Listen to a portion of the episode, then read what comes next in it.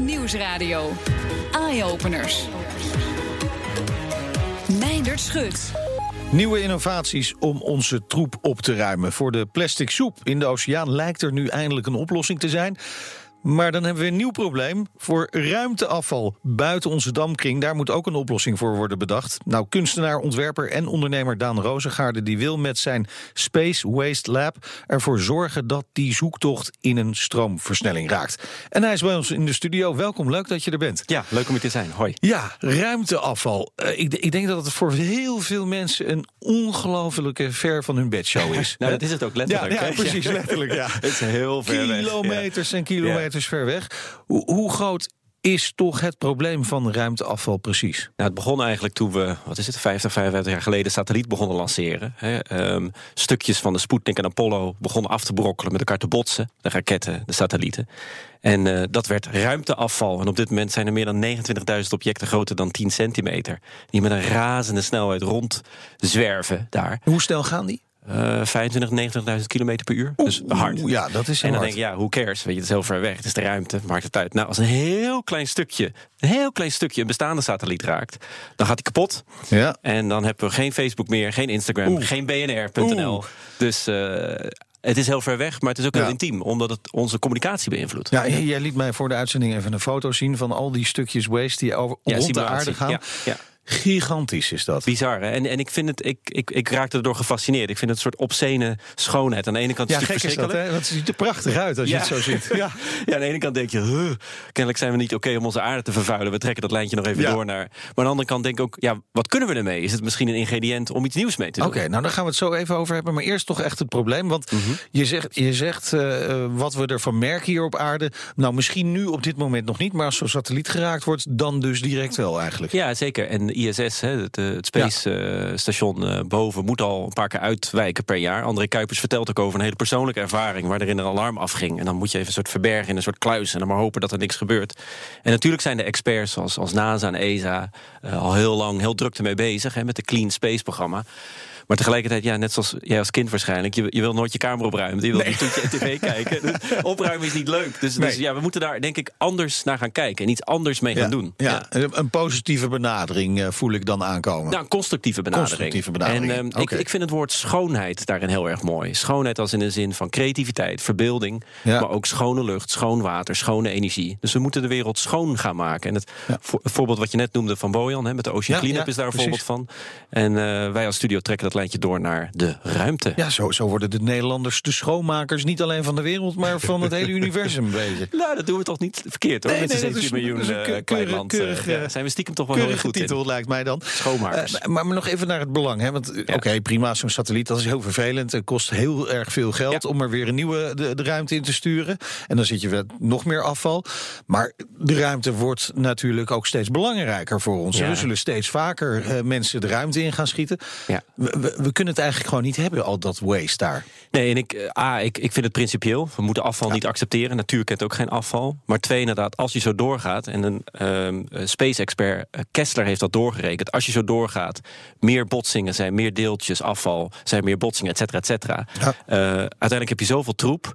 dat je geen nieuwe raketten of satellieten meer kan lanceren. Dus moet je even voorstellen, je hebt, je hebt, je hebt, je hebt, de, je hebt de aarde, hè, die zweeft in het heelal. Ja. Heelal is voor zover we weten oneindig. Ja, hè, ja, ja. En groeit ook uh, nog. En dan krijgen wij het voor elkaar om binnen 25, 30 jaar... een soort laag van junk ja. om onze planeet aarde heen te maken... zodat we geen nieuwe raketten meer kunnen lanceren. Nee. Dus uh, dat is het verhaal wat jij en ik aan mijn kleinkinderen ja, moeten vertellen. dat is geen Het goede nieuws is, we hebben buitenaards leven gevonden. Het slechte nieuws is, we kunnen er niet naartoe. Nee. En, en, en dit is een realiteit van vandaag de dag. En dat is niet de wereld waar ik in wil leven. Nee. Want, want nu kunnen ze dus nog wel raketten door die troep heen sturen. Lijkt me best een lastig verhaal. Ja, het is, uh, nou ja, ze zijn ontzettend slim, die mensen die het doen. Ik, ik, ik ben nu een jaar lang met ze aan het praten. En ik ben natuurlijk een amateur in, in ruimte. Uh, ik ben weer expert in andere dingen.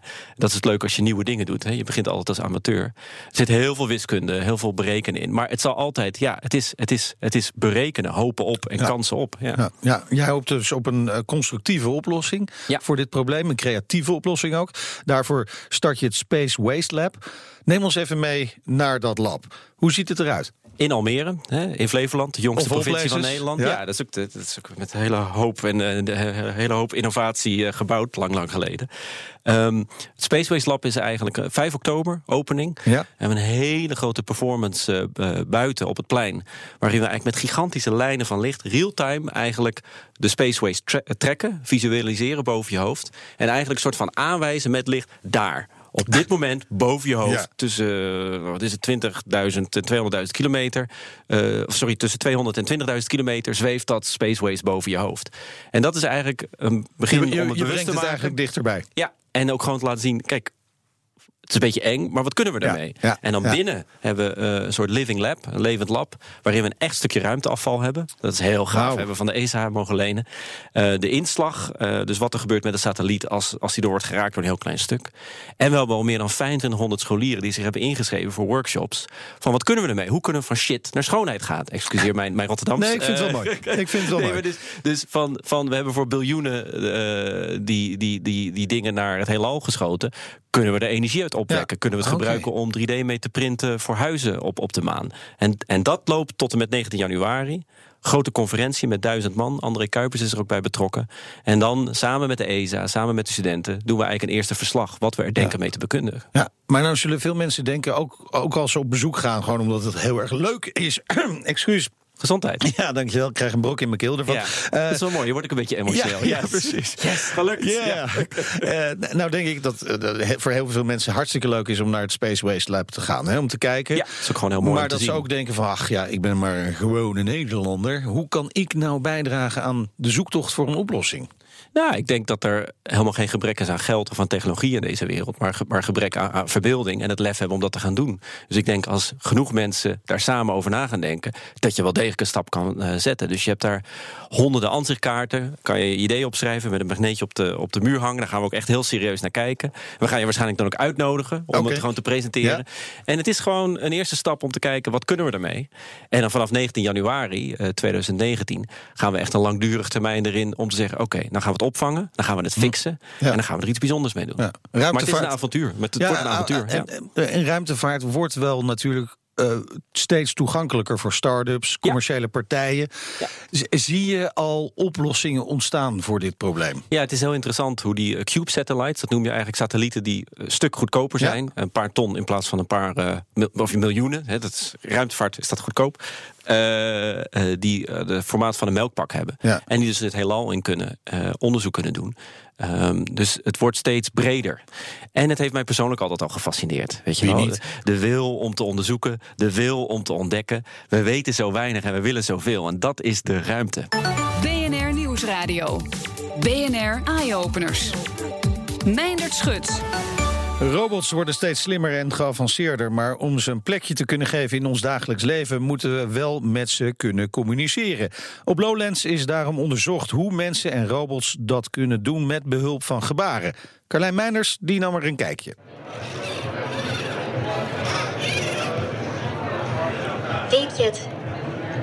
Helaas, het is geen triangel. Mijn naam is Paul Vocht. Ik ben eh universitair hoofddocent aan eh, Tilburg University. En ik ben daar eh, eh, werkzaam in cognitiewetenschappen en kunstmatige intelligentie. En wat zijn jullie hier op Lowlands aan het onderzoeken? Wij doen hier onderzoek naar eh, hoe mensen eh, en robots met elkaar kunnen communiceren middels eh, gebaren. En eh, we doen dat door eh, mensen een spel hints te laten spelen met een robot. Eh, de robot die beeldt iets uit en de mens moet eh, gaan raden wat de robot uitbeeldt. En omgekeerd, de, de, de mens beeldt iets uit en de robot gaat raden. En terwijl die dat doet, leert de robot van de mens. Dus eigenlijk aan het einde van die drie dagen is hij op zijn allerslimst. Want dan heeft hij van iedereen wat geleerd. Ja, hij begint nu echt duidelijk al wat beter te worden dan gisteren, vond ik. En morgen aan het eind van de middag eh, zouden we eh, verwachten dat hij, dat hij het beste speelt. Ja. Ik hoorde ook iemand vertellen dat, eh, dat diegene had een hele slechte bus uitgebeeld. Ja. En twee rondes later deed de robot dezelfde slechte busimpressie bij bij iemand anders. Dus het ligt ook een beetje aan hoe goed zijn de proefpersonen. Precies, ja. Want wat die robot gaat, gaat doen, die, die ziet uh, andere proefpersonen dingen doen en die doet dat na. En als, als je hele slechte voorbeelden krijgt, dan gaat hij hele slechte voorbeelden voordoen. Maar dan hebben mensen moeite om die bus te raden, bijvoorbeeld. En dan wordt dat uh, afgestraft. Dan zal die robot minder snel datzelfde voorbeeld nog een keer gaan uitvoeren. Wat kunnen we nou leren van dit experiment met, met zo'n algoritme? Heel veel verschillende dingen. Een van de dingen die we kunnen leren is hoe uh, verschillend mensen dingen uitbeelden. En wat wij er bijvoorbeeld mee willen doen is om te kijken van hoe kunnen we algoritmes maken die beter zijn om die, die verschillende manieren op te vangen zodat je ze wel succesvol kan uh, herkennen. We willen die interactie zo natuurlijk mogelijk maken. Leren we van zo'n experiment nou ook iets over die, de mogelijkheid dat we dus straks samen in een maatschappij leven met robots? Nou, wij hopen wel dat door hier op uh, Lowlands te staan, uh, dat, we, dat mensen meer kennis maken met deze robots, die misschien in de toekomst wel in onze maatschappij terechtkomen. En uh, bijvoorbeeld als, uh, als een onderwijsmiddel. Wij doen onderzoek naar onder andere naar hoe we die robots als een onderwijsmiddel kunnen gebruiken als ter ondersteuning van het leren van een tweede taal. En we moeten gewoon wennen aan het idee dat dit straks ons leven is. En daar op een goede manier mee om kunnen gaan. Ja, ja absoluut. Uh, ik denk dat dit uh, de toekomst is. Uh, hierdoor beginnen we al te wennen. Ja, en dan als het gewoon een normaal onderdeel is van het leven... dan kunnen ze ook pas succesvol worden ingezet. Bijvoorbeeld in het onderwijs, denk ik. Ja, dat denk ik ook. Dat hopen wij in elk geval wel te bereiken. Ik denk dat het een beker is. Jippie, een beker. Oké, mijn beurt. Daar ga ik. Ja, Jippie en Beker. Je hoorde Carlijn Meinders in gesprek met Paul Vocht, universitair hoofddocent aan de Tilburg University. BNR Nieuwsradio. BNR Eye-Openers. Op 5 oktober opent kunstenaar, ontwerper en ondernemer Daan Rozengaarde zijn Space Waste Lab. Daarmee gaat hij op zoek naar een oplossing om de tienduizenden stukken ruimteafval die rond de aarde zweven. Of ja, misschien moeten we wel zeggen dat ze. Het is meer dan zweven, hè. ze racen. schieten, ze racen door de ruimte. En die willen we allemaal opruimen.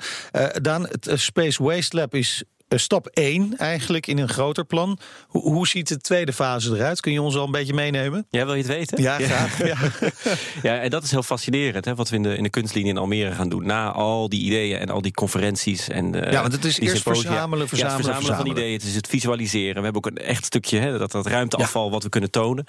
Maar inderdaad, wat kunnen we ermee? Ja, uh, daar zijn al heel veel ideeën over. Dat is wel interessant. Okay. Dus sommigen zeggen uh, een net om het op te vangen, of een soort harpoen, of een robotarm, of een soort laser om een stukje ervan af te schieten, zodat het sneller in de dampkring komt en verbrandt. Oh, ja. Maar ik zou het graag misschien nog wat, wat, wat uitdagender willen hebben. Bijvoorbeeld, we hebben het voor biljoenen euro's in, de, in die ruimte geknald. Kunnen we het niet gebruiken om 3D mee te printen, hè, om huizen te maken op de maan? Oh, ja. Of, of reserveonderdelen voor satellieten. Of als we het op een of andere manier, niemand weet nog precies hoe, maar als we op een of andere manier het goed gecontroleerd kunnen aantrekken uh, naar de aardedampkring, als het afval door de dampkring heen gaat, dan wat wordt het dan? Licht. Licht. Licht. Oké. Okay. Dus ja, afval ja, is licht. Ja, ja. wauw. Dat is interessant. Kunnen Kijk. we kunstmatig gevallende sterren creëren als een alternatief voor vervuilend vuurwerk? Geef iets van dus 66 miljoen uit aan vuurwerk per jaar als Nederland. Op nieuwjaar trekken we gewoon wat ruimteafval naar ons toe en, en dan uh, maken we het helemaal schoon en we hebben een unieke ervaring.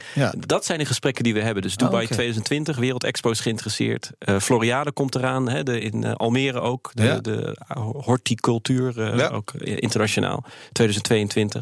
Dus uiteindelijk willen we er een, een happening van maken. Maar tegelijkertijd het ook functioneel. En ik denk die combinatie tussen dat hele praktische ja. en dat hele poëtische, dat is Nederlands design voor mij. Dat is nee. Nederlands voor okay. mij.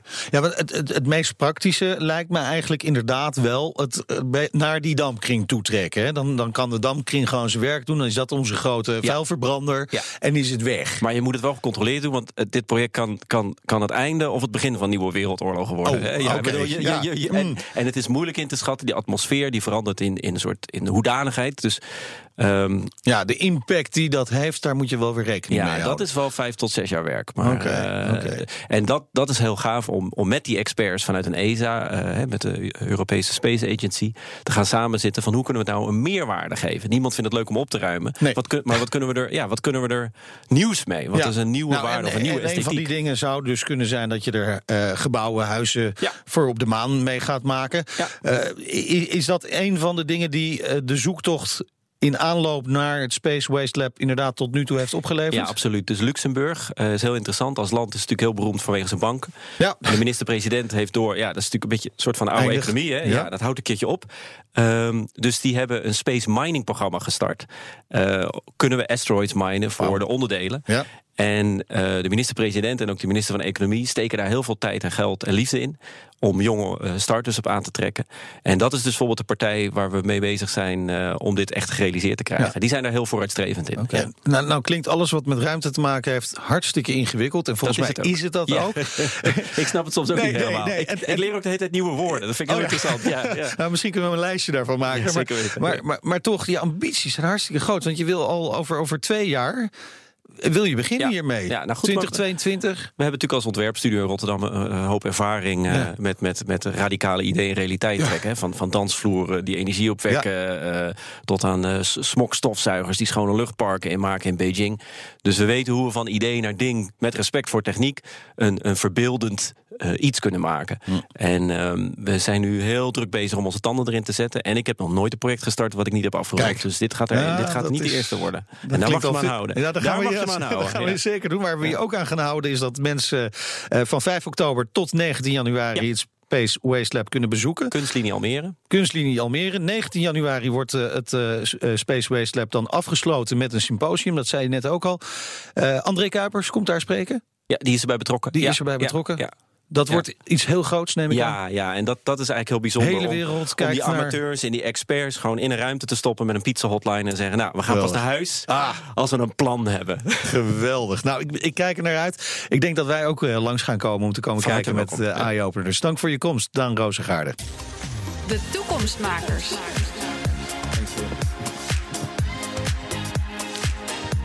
In onze jongere rubriek laten we elke week iemand van de volgende generatie aan het woord over een innovatief project. Deze week gaat dat over de betrouwbaarheid van de screening van nieuwe werknemers.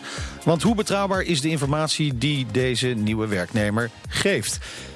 Rosa Kasja onderzocht hoe je de betrouwbaarheid van die informatie kunt optimaliseren. Mijn naam is Rosa Kasja en ik ben recent afgestudeerd op de opleiding Security Management en nu werkzaam als junior onderzoeker bij Levent Bedrijfsrecherche in Amsterdam. En dat is allemaal een beetje naar aanleiding van het project wat je voor hun hebt uitgevoerd, heb ik begrepen.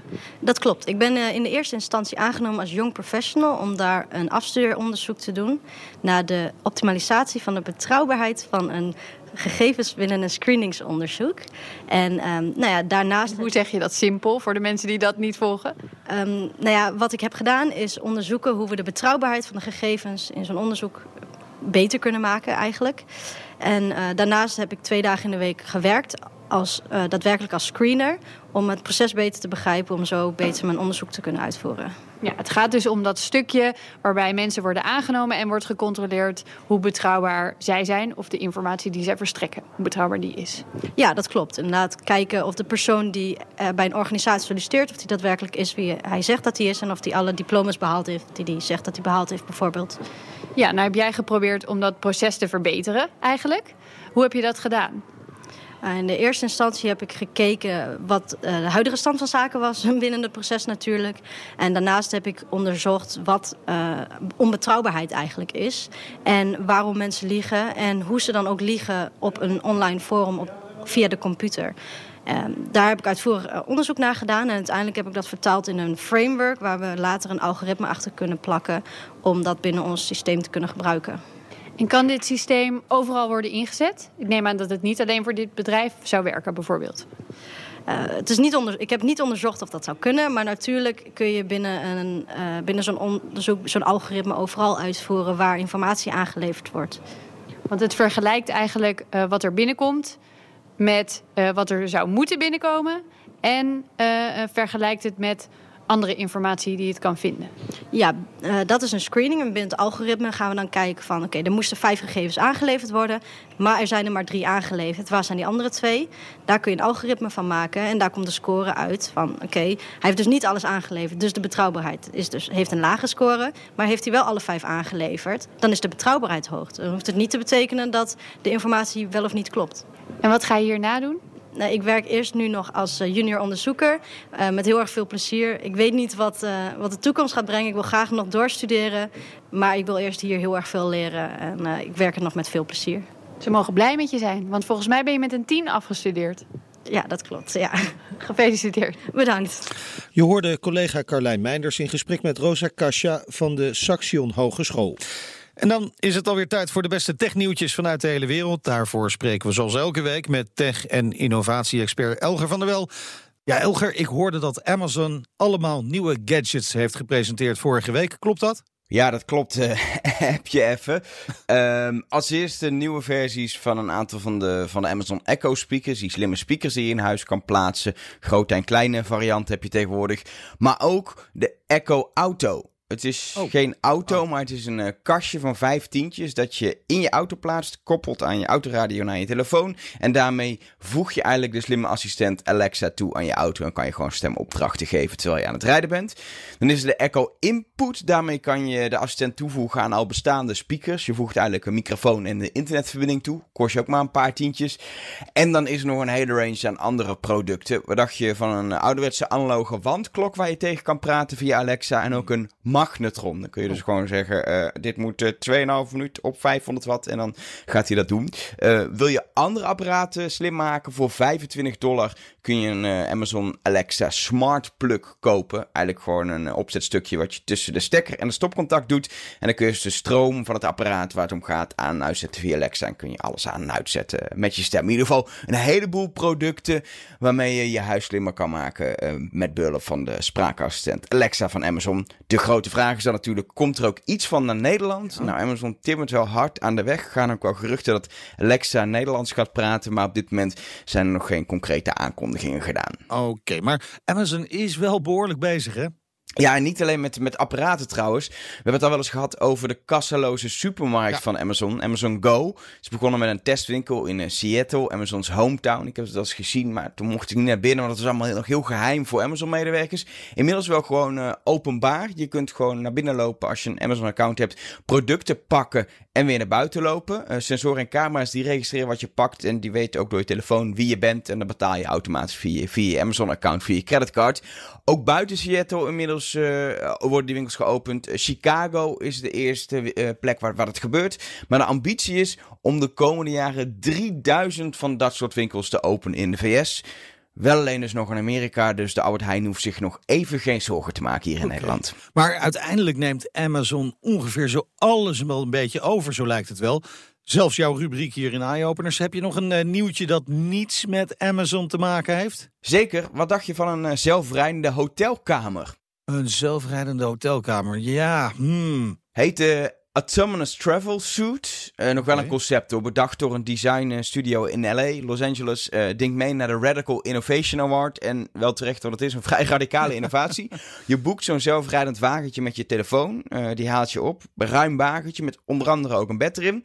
En het wagentje rijdt je dan naar een soort garage. Dat is eigenlijk het hotel. En daar bevinden zich dan de, de gemeenschappelijke ruimtes. Dus de fitnessruimte, de ontbijtzaal, de bar. Maar het wagentje is en blijft tijdens je verblijf gewoon je hotelkamer. En op een gegeven moment wil je weg. Ja, dan check je eigenlijk niet uit. Maar dan vertrek je letterlijk met wagentje en al. En word je door je hotelkamer dus zelfrijdend op je bestemming afgeleverd. Heel bijzonder allemaal weer. Elger, dankjewel. Tot volgende week. Dat was hem voor vandaag. Terugluisteren kan via de site, de app iTunes of Spotify. Je hoort ons in de toekomst. Tot volgende week.